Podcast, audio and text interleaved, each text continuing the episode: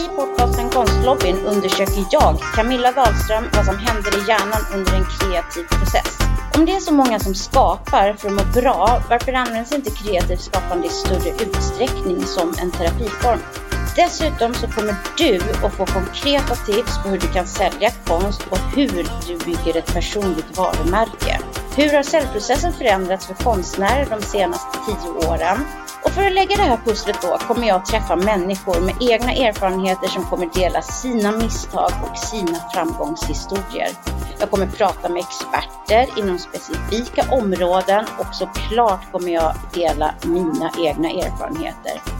Podcasten Konstlobbyn vänder sig till alla som ägnar sig åt någon form av kreativt skapande oavsett om det är på hobbynivå eller om man är yrkesverksam idag. Så luta dig tillbaka och varmt välkommen till Konstlobbyn för nu kör vi! Så varmt välkomna till den här podcasten som heter podcasten Konstlobbyn. Och min andra gäst idag heter faktiskt Christian Beijer. Varmt välkommen Christian! Tack snälla! Var i världen befinner du dig just nu? Jag är min ateljé i Sundsvall. Vad är projektet just nu? Just nu håller jag på, det som du ser bakom mig nu, min rygg, det är, jag, jag gör ett samarbete med min son John. Vi målar en bit var. Han har gjort en haj och så lägger jag till delar och så skickar jag den till honom så får han lägga till delar. Det är skitkul. Gud vad roligt. Men hur skickar man, alltså ni skickar tavlan, alltså den fysiska tavlan bara mellan posten sådär? Nej, men han kommer ju hit då och då och hälsar på mig så han tar med sig. Ja. Berätta, vem är Christian Beijer? Oh shit, jag, jag, jag är konstnär. Jag har varit så här hela mitt liv. Jag, jag, eh, alltså jag kan inte låta bli. Du vet, jag har varit så här alltid. Så det var liksom en, att vara konstnär. Jag säger ju aldrig att jag är konstnär. Jag, är liksom, jag tycker inte att man behöver ha någon titel, men jag har ju alltid hållit på och vill skapa saker. Så jag kan inte sluta, vilket är lite grann som, det är lite fälla sådär för att man, man måste ju överleva. Kommer du ihåg första gången som du sålde en tavla? Då sålde jag fem. De fem första, fem första jag hade gjort. Ja, vet, det var så här, jag, innan jag började måla på allvar, det är ju faktiskt över 30 år sedan jag började måla på allvar, designade kläder. Men så flyttade jag hem till min hemstad när jag blev pappa. Och då skulle jag vara så här vanlig människa med månadslön. Det, det funkade ungefär ett år. Sen så blev jag så här, fan jag kan inte hålla på med det här. Jag ska börja måla. Så då hoppade jag jobbet och så började jag jobba som bartender på helgerna för att få ihop liksom till mina, av mina pengar. Och så började jag bara måla. Och så var det någon, han som ägde den där restaurangen fick reda på att jag målade. Och de hade ju sett mycket, jag hade varit mycket i tidningar så där med min design, med kläddesignen och så. Ja. Så de var jättenyfikna. Och så var det någon natt där då när vi slutade jobba som de absolut ville följa med hem till mig och kolla på de här tavlorna som jag har bara fem. Ja, men vi kan få titta. Så ja, det kan du få göra. Då sålde jag alla fem på ett bräde. Och sen är det bara att rulla på. Mm. Hur har processen, säljprocessen förändrats? Alltså från då, 30 år sedan, och nu? Alltså för dig som konstnär med alla de här tekniska verktygen som finns idag, alltså digitala verktygen. Ja, det har ju förändrats jäkligt mycket till, eh, till konstnärens fördel på många sätt och nackdel på andra sätt. Men eh, förr fick, jag alltid, fick man alltid vända sig till ett galleri och, och få en, ha en utställning och hoppas på att man fick igen ett halvårs, ett års jobbslön. Liksom. Mm. Vilket var otroligt nervpressande. Och då hade man ju så här separatutställningar och grejer. Mm. Eh, och det, det är ett otroligt svårt sätt. Det är också ett sätt att att fortfarande hålla en konstnär nere på backen. Det blir lite grann så här att eh, de mm. galleristerna, ursäkta mig, mm. ofta, ofta har en sån här eh, feeling över att ja, men det är jag som upptäckte den här grabben. Och så får man en liten bit av kakan. Liksom. Ja. Och ska man, det är gamla traditioner som lever kvar. I. Ja. Det är så otroligt konservativt, konstbranschen. Um, så att ja, man ska vara nöjd med att få hälften av pengarna. Man har jobbat halvår och så en gallerist som ställer ut den i två veckor och tar hälften mm. av pengarna. De senaste, eh, senaste sju eller åtta, sju åren i alla fall, minst sju år, så mm. har inte jag haft någon utställning. Nej.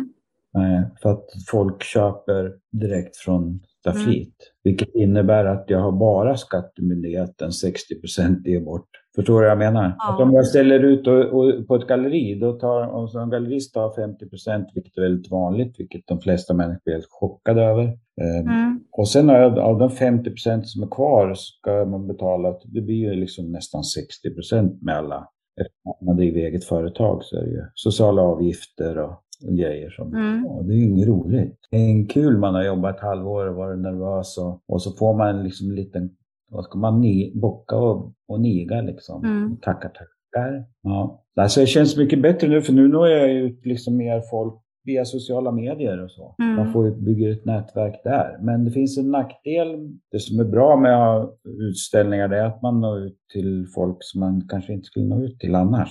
För på sociala, i sociala nätverk så är det ju liksom lite begränsat. Men det gäller ju att hitta, det är, det är en djungel där ute att få folk att hitta just mig är inte så himla lätt. Precis, det är ju mycket det som eh, jag vill inrikta den här podden på. Det är att just eh, hur man ska bygga personligt varumärke som konstnär och hur man ska slå igenom. Eh, och sen också just den här skillnaden på att vara konstnär idag med alla de medlen som finns kontra då för 30 år sedan. Alltså jag tycker det är ganska intressant att se hur, vilket, är, det, vilket är svårast och vilket, var, får du, var får man jobba mest?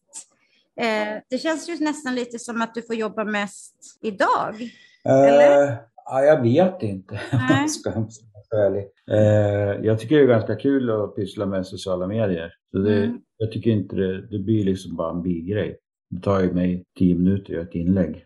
Ja. Men, så det är inget jobbigt. Men jag, jag tror att idag, alltså det mest effektiva, idag kan man vara jävligt effektiv om man är framåt och på, om man jobbar bra med båda delarna. Ja. Att man ha, också har faktiska utställningar. Det där att jag inte haft en utställning, det är ju bara för att jag har haft så jäkla många utställningar och mm. är glad att slippa. Och folk, jag har byggt, hunnit byggt upp mitt varumärke så mycket så att folk kommer faktiskt hit och köper en tavla för 50 000 på staffliet. Det är helt otroligt egentligen. Eh, som, det är ju en, det är en otrolig fördel. Men jag, har ju blivit lat också. Just det, men eh, du kanske kan vara det nu om du säljer dina tavlor så pass dyrt, så kan du ju vara lat någon extra dag. Ja, ja det är inte, jag jobbar ju jämt. Fan nu när jag, jag har flyttat hem ateljén också. Jag jobbar ju till halv tolv på kvällarna. Ja, men du, det här är ju jätteintressant också. Du, jag vet att du eh, flyttar utomlands lite då och då. Eh, inte nu när det har varit covid då, men eh, du hämtar inspiration, inte bara i Sverige, eller hur? Nej, helst inte. Jag är ju ingen sån man, man tittar på min konst ser man ganska snabbt att jag gillar starka färger. Det är det första man ser antar jag. Och det är tropiska färger. Jag är ju ingen fan av det här som... Många svenska konstnärer jobbar ju också i någon slags grå-brun skala. Ja, alltså jordfärger och... Ja, som, som jag tycker att hösten och vintern ser ut i Sverige. Och det är, inte, det, det är precis det jag avskyr mest. Så att eh, för mig är det så här, om inte jag varit, om inte jag varit i tropikerna ett år, då märks det på mina tavlor att de blir liksom faddar och faddar i färgerna. Jag fattar inte. Och, och när jag är borta, och när jag åker bort så är jag ju borta länge. För att jag absorberar ju liksom. Jag tror att det är mest ljuset som är det viktigaste för mig. Hur har du fått ihop det med barn och familj och allt det där? Att kunna åka iväg sådär?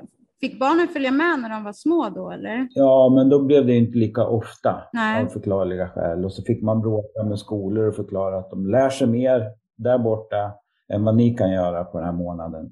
Så ja, det gick alltid ja. mm. knussla ihop det. Och så är det ju så här när jag reser, det låter ju lyxigt att åka bort och är borta, jag är borta minimum fem sex veckor. Och, och, och, då tänker alla som ja. är vana att resa som vanliga mm. svenska resor, att man bor på ett fint hotell och ligger vid en pool och knäpper på gin tonics. Det är inte så jag reser, utan jag reser, jag bor med folket, jag bor hos folk. Jag, jag betalar ju ingen, inte massa pengar för att bo på fina hotell, utan jag betalar en flygbiljett och så lagar man mat själv. Och, vet. Så då kan man vara borta länge och absorbera så mycket man kan av det där, färgerna och ljuset. Jo, berätta lite mer om eh, din stil. Har du alltid haft den här stilen som du har precis nu, eller har det någonting som du har utvecklat? Under tid? Ja, jag har ju tillåtit mig själv att förändras hela tiden mm. för att det ska vara kul att jobba. Men eh, mm. alla säger att man känner igen mina grejer sen från början ändå. Ja. Jag har ju ett visst anslag liksom. Mm. Man har ju en, en viss stil ändå, det kommer man ju inte ifrån. Nej. Och jag tycker väl att det påminner mycket om jag tycker att det går liksom, ibland så kommer det tillbaka gamla grejer in i gamla, alltså det sitter ja. ihop ändå en röd tråd. Men jag brukar ta som exempel, finns en här, eftersom jag bor i Sundsvall så man känner man till en konstnär som heter Bengt Lindström. Han är stor över hela världen. Väldigt abstrakt, mycket starka färger. Mm. Jag tar honom som exempel. Tänk dig honom, han var mm. tvungen att måla samma tavla från 1954 tills han dog. Många konstnärer fastnar i liksom, ja, det, mm. det, har en speciell stil och så kan de inte släppa det utan det måste bli liksom, alla tavlor ser ju fan nästan likadana ut till ja. slut. Och, och då skulle jag uppfatta mig själv som att jag har satt stod vid ett löpande band. Mm. Och då skulle jag nog börja med liksom att bygga möbler eh, eller någonting annat istället. Ja. För att jag, jag huvudsakligen får uttrycka mig med, från, från, från idé till eh, färdig produkt. Det spelar ingen roll vad det är egentligen. Det är bara ett driv som jag har, som ett måste som jag har. En... Har du någon utbildning i just det här med att teckna och måla eller är det bara självlärt? Ja, självlärd. Mm. Jag har inga utbildningar. När jag, var, vet, när jag började med det här, jag började måla 1990, jag hade min första utställning 91 och ställde ut i London 1993. Du vet, det gick jävligt fort allting. Och jag gick in i det här grejen med liksom, för att jag har alltid varit så, det var likadant designa kläder, likadant när DJ, fotograf, du vet. Alla de här grejerna jag har gjort. Jag bara så jag vill göra, jag vill testa det. För det är bara logik. För mig är det, är det logiskt. Det är inget, kan inte vara så svårt. Och då får man lära sig på vägen. Det har jag också pratat om lite, eller vi ska prata om också här i podden. Det är just det här skapandets kraft och eh, att det används så pass mycket av väldigt många i eh, terapeutiskt syfte. Eh, använder du också skapandet och det kreativa i som en terapi för dig själv? Eller? 100 procent. Ja, det är så? Ja, 100 procent. Det är också där liksom alla de här starka färgerna. Jag, om jag går omkring och längtar till tropiken hela tiden, då är det ganska skönt att måla i turkos med små röda blommor i. Om du förstår. Man, eh, man landar sig själv i det där för att jag har ingen, det här ljuset vi har här, den är så här ljusblått, det är för kallt för mig. Alltså, och, och så är det ju också det, liksom, jag brukar också säga till mig själv att det, det är bra Christian att du står här i ateljén ensam och lyssnar på musik. Mm. Det är det där världen där ute. Ja. För jag är också en, jag är ju HSP, jag heter Hypersensitive Personality. Mm. Det innebär att så fort jag går ut så absorberar jag allting och människor. Och, ja. och jag känner ju av direkt jag kommer in i ett rum om en människa är elak, precis som en hund. Ja. Och, att, och det är mycket jobbigt och alla de där, så jag, jag, när jag tack, gör grejer som jag måste vara med på någon gala eller någonting, då har jag ju som tre dygns återhämtning att leende. Jag liksom knappt svarar i telefon. För att det, det är ju terapi, det är te, hela, hela rummet är terapi om man säger så. Med musiken och allt. Det är konstant musik från att jag vaknar till Men har du, om, om det är någon som vill lära sig, och uh, hej Leopold, hej. Jag sitter ju i, jag sitter ju i Täby centrum nu, så att jag sitter Jaha, mitt, vad kul. eh, Men jo, om det är någon som känner att den vill börja måla, Så ska de göra det. eh, och det, det verkar liksom som att eh, många mår så bra av att måla. Då ska de göra det bara. Vad ska man göra? Hur enkelt som helst. Det här, folk börjar oftast i fel ände och känner sig, jag kan inte teckna, hur ska det bli? Vad ska jag teckna en bil eller vad ska, du vet. Idéerna kan ju vara liksom ett, en, ett hinder. Ja. Eller att man, man bygger det hindret för sig själv för man törs inte lita på att man har tillräckligt bra idéer. Nej. Så jag skulle, jag skulle absolut råda dem som bör, vill börja och känna, känna att de har ett sug efter att börja måla men os, känner sig osäker ändå. Mm. Jag skulle lätt göra så här. Ta ett, ett, ett konstverk eller en bild som man tycker om. Som man hyser känslor Mm. för. Alltså man känner starkt för någon Ja. bild eller en, en, ett annat konstverk. Och så försöker man kopiera det Mm. om och om igen. Man kan byta, du kan måla samma tavla i tio år om du vill och se hur det utvecklas. Men man kan också byta för att, för att när man, man kopierar saker och, och ser saker som man gillar, då märker jag också ganska snabbt att men det här passar egentligen inte mig. Jag är nog mer så här. Kanske man börjar kolla på något annat. Så får man under resan också egna idéer idéer. För att när du står där och målar, när så fort du tillåter dig själv att komma in i den här, man ska kalla det för transen eller vad det är, så man kommer in i zonen när man står och målar och tankarna bara liksom. Och, och det är ju bra hjälpmedel med musik. Då, då kanske man liksom bara känner att wow, jag skulle kunna göra något annat med sådana här blommor. Eller jag skulle kunna göra något göra det här i betong istället. Vet. Att man får, det kommer ju idéer automatiskt. Man ska inte vara rädd för att bara låta det vara öppet. Och jag tror att, att många börjar och slutar först, och så är de jätteentusiaster, köper de massa dyra färger och grejer och så, och så låser de sig själva att de kan inte teckna, eller teckna en liten hund nere i hörnet. Ja, jag har sett massor med exempel. Men eh, om man eh, verkligen försöker kopiera, vad äter du för gott? Ja. Vad var det? Det är så gott Jag trodde inte att du skulle se Christian. Jag ser allt. Åt en cheesecake. Det, det, är ett av mina problem, jag ser allt. Ja. Eh, nej, men eh, så länge man eh, liksom tillåter sig själv och så, och så kopiera grejer. Bara för att känna efter. Därför först, du måste ju också lära dig att förstå vem du är. Är jag en akvarellmänniska? Eller är jag en oljemänniska? Kanske oljepastellkritor? Kanske. Och så att man vågar prova. När jag började, då provade jag allt. Och så ställde jag upp saker och målade av det i olja, eh, akvarell, blyerts. Ja, men om man har då en Kristoffer Vi säger, I podden då så kommer jag lägga ut en av dina tavlor som också finns på konstlobbyn. Och då så får alla som en liten utmaning som vill börja måla, då kommer de att få en liten utmaning att teckna av en av dina tavlor, den tavlan som jag kommer lägga ut. Mm. okay. Spännande. Ja, men det blir spännande. Då har vi en Christian-tavla. Och hur går man då vidare? Är det att börja med att teckna på ett litet papper eller är det att börja teckna eh, eller är det direkt med färg? Eller var, vad är nästa steg efter att man har tavlan? Liksom? Jag tror att det där är väldigt personligt. Alla är olika. En del vill göra en skiss före på ett papper och sen eh, träna på en duk sen. Liksom. Jag, skissar, jag skissar ju direkt på duken. Just det. Brukar du använda så här projektorer? Om det är stora tavlor till exempel, då, men det kan ta liksom två veckor annars skissa upp någon. Uh, då kan man ha jättemycket hjälp av en, en projektor faktiskt. Uh, man ska inte vara rädd för det heller. Man måste komma ihåg, för det finns så mycket så här tabun i konstbranschen som, som är uppbyggda av, av det bara missunnsamhet egentligen. Man måste komma ihåg att vi inte haft kameror om det inte var för att konstnärer gjorde de här kamera obscura. Det var en sån här låda, en svart låda, där man la liksom eh, pappret i den här, via ljuset som släpptes in genom en glugg så blev det en upp och nervänd bild på pappret som man skissade av. För att du kunde inte ha liksom kungen sittandes i, i fyra veckor framför en duk. Utan hjälpmedel har alltid funnits. Sen pratar man, folk pratar inte om det. Sen beror det på liksom, om man, är liksom, man är mer åt Chagall-hållet. Då, då är det ju inte projektor som gäller.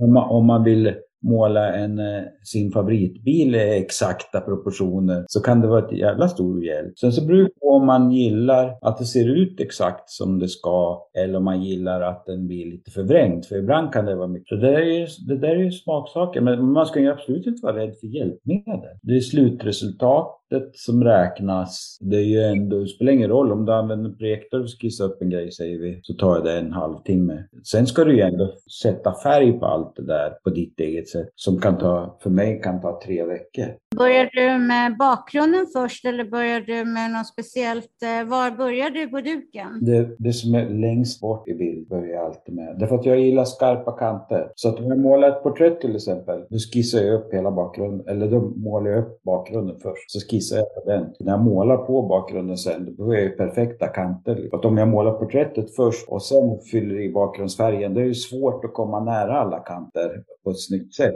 Speciellt om man vill ha en effektfull bakgrund. En himmel med massa moln, då blir det liksom jättesvårt helt plötsligt. Ja, så att jag känner, jag brukar säga till de som frågar, hur, men herregud, hur gör du? De tycker, tycker jag är ett trolleri.